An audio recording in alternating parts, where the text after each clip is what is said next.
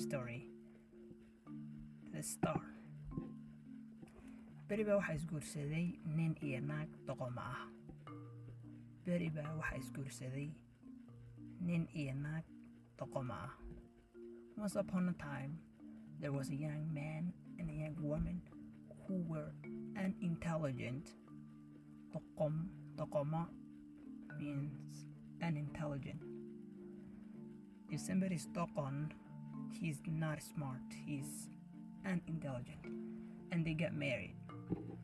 Maalin maalmaha ka ah ayay riqasheen qaar kadibna hilibkeedii bay qaar cuneen. Qaarna way waxay ku gorteen haan. One day they slaughtered a goat and, and ate some of its meat and they put the rest in a big container wayna ku kaydsadeen and they stored so they could eat later. Say u cunaan mar kale maalin maalmaha ka mid ah ayay israaceen ninkii iyo xaaskiisii si ay xaabo si ay xaabo u soo gurtaan siday xaabo uga soo gurtaan kaynta ay ku karsadaan cuntada ay ku karsadaan hilibka. So one day they went out together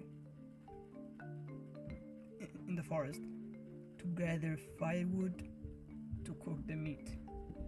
Maalin maalmaha ka mid ah one day ayay israaceen they went out together. Ninkii iyo xaaskiisii the man and his wife. Si ay xaabo u keenaan si ay xaabo u gurtaan. To firewood si ay wax u si ay wax ugu karsadaan. So they could cook they could use for they could use that firewood to cook something especially their meat. Iyagoo kayntii ku sii socda ayaa nin socdaal ahi ka hor yimid. Wuu weydiiyey wuu ku yidhi as they were going as they were on their journey to for to the forest there came a travel a traveler and asked them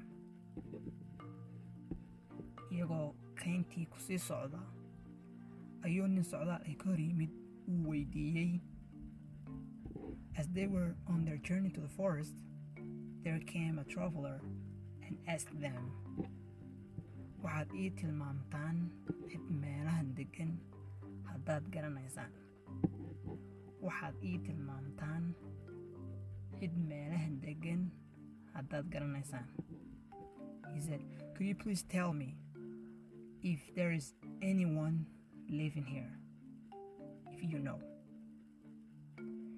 In other words do you know anybody living here? Anybody who lives here? Waxay ugu jawaabeen they said tubtan raac waddadan raac take this road. Waxay ku geynaysaa guriganaga it shall take you to our house. It shall take you waxay ku geynaysaa to our house guriganaga they said do not enter the house. Ha gelin guriga. So they're saying take this road. It will take you to our house but not enter the house. Ha gelin aqalka. Ha gelin aqalka. Haddaad gashana haanta haanta ku xidhan ha furin. They said if you enter the house do not open the container the big container that you put the meat. They said don't open that container. Haddaad furtana hilibka ku jira ha cunin. Haddaad furtana hilibka ku jira ha cunin they said if you open the container don't eat the meat. Don't eat the meat. And then they said haddaad cunto haddaad cuntona ha dhammaynin they said if you eat don't eat too much. If you eat the meat don't eat everything. Like don't eat everything. Ninkii haddaad haddaad cuntana ha dhammaynin. Haddaad cuntana ha dhammaynin. Ninkii socotada ahaa markii uu intaas maqlay ayuu iska tegey ninkii socotada ahaa markuu intaas maqlay ayuu iskaga tegey when the traveler heard that he left.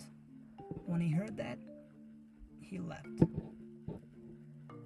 Kadibna wuxuu yimid aqalkoodii kadibna wuxuu cunay wax kasta. Then he arrived he arrived at their home and ate everything. Kadibna wuxuu yimid then he arrived aqalkoodii at their house and ate everything. And he ate everything wax kastana u cunay. Galabtii markii soo noqdeen labadii doqon ee isqabay ayay arkeen in laga cuno hilibkii oo dhan. Galabtii markay soo noqdeen labadii doqon ee isqabay ayay arkeen in laga cunay hilibkii oo dhan. When they came back in the afternoon they saw that their meat was eaten by someone. When they came back in the afternoon the two you know uh, an intelligent spouse. When they came back in the afternoon they saw that their meat was eaten by someone. Hase ahaatee mayna garanaynin cidda ka xaday ee ka cuntay they did not know however they did not know who stole it or ate their meat. Ninkii xaaskiisii aad bay uga naxeen arrintaas the man and his wife were shocked by that incident. They were shocked by that incident.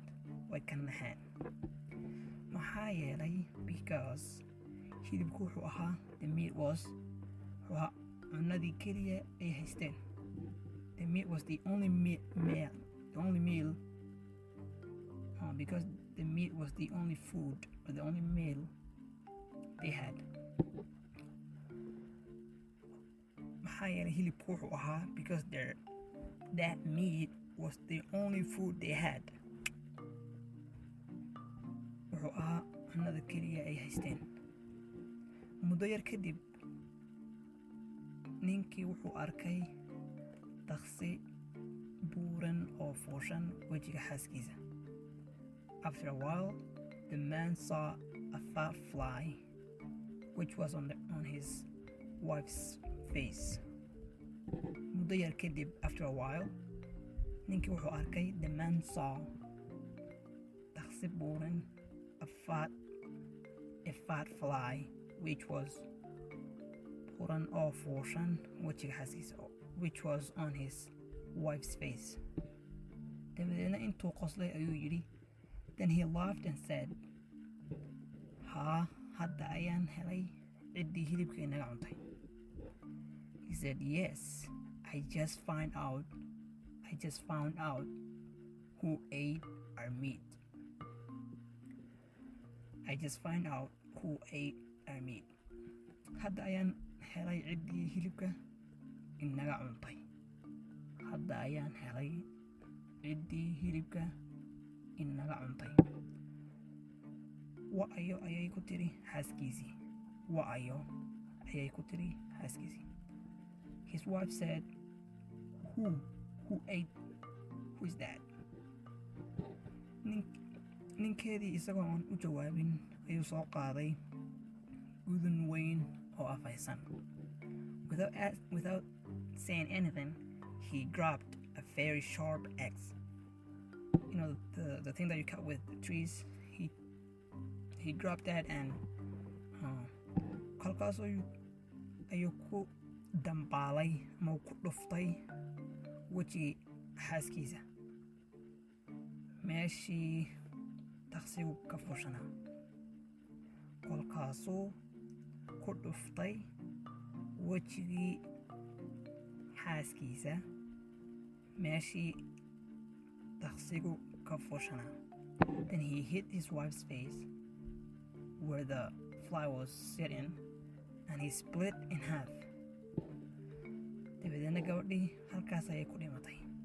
Dabadeedna gabadhii halkaas ayay ku dhimatay. So the woman died. The woman died. Daqsigiina wuu iska duulay marka markiiba. And the, fly, and the fly flew away. And then the, the foolish man said weligaaba iska qosol naagyahay he said keep laughing. He says keep laughing young lady.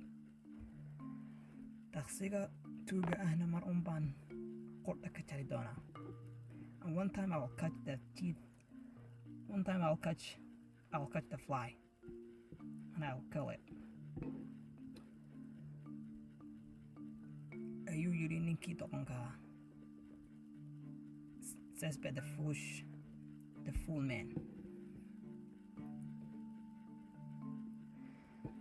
and then he thought you know when you when he hit the you know the axe with his uh, wife he split it in half. Her face was literally he split it in half. So and he thought she was laughing. He just said keep laughing. I'm, I'm gonna i'm gonna find the uh, you know the fly that was that ate our food or our meat little did he know she was dead. Subaxdii dambe ayaa reerihii deriska ahaa soo booqday ninkii way su'aaleen the next morning their neighbors came to their house and interrogated the man. War xaaskii meeday ayay dhaheen they said where is the wife? I wanted to kill a, a fly which had stolen our meat. He said waxaan rabay inaan dilo daqsi naga xada hilib. Then the fly was playing on my wife's face. Daqsigiina wuxuu ku ciyaarayay wejiga xaaskayga say uu ku ciyaarayay i mean he was on my wife's face. Wuxuu fuushanaa wejiga xaaskayga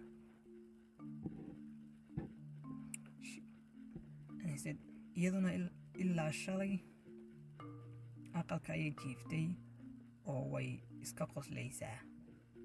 He said she was in the house since yesterday laughing. Answered the man ayuu ku jawaabay ninku dabadeedna dadkii waxay ogaadeen guuldarrada xaaskii ku dhacday iyo ninka doqonnimadiisa. Then the man I mean the people realize the unfortunate thing that has happened to the wife and how foolish the man was. Dabadeedna dadkii and then the people realized waxay ogaadeen guuldarrada xaaskii ku dhacday the unfortunate thing that that has happened to the wife. Iyo ninka doqonnimadiisa and how foolish the man was. Dabadeedna aafadii dabadeedna is another word for has. So you could choose inter interchangeably. You can say xaaskiisa or aafadiisa dabadeedna xaaskiisa meydkeedii halkaa waa lagu aasay. Dabadeedna after after that they buried the woman in that in that location.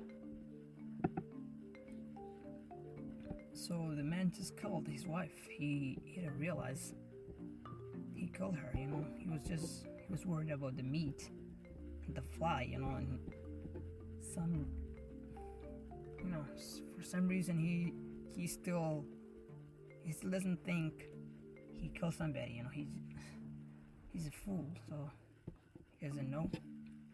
Yeah that's all i got today and i hope you guys liked it and i'll see you later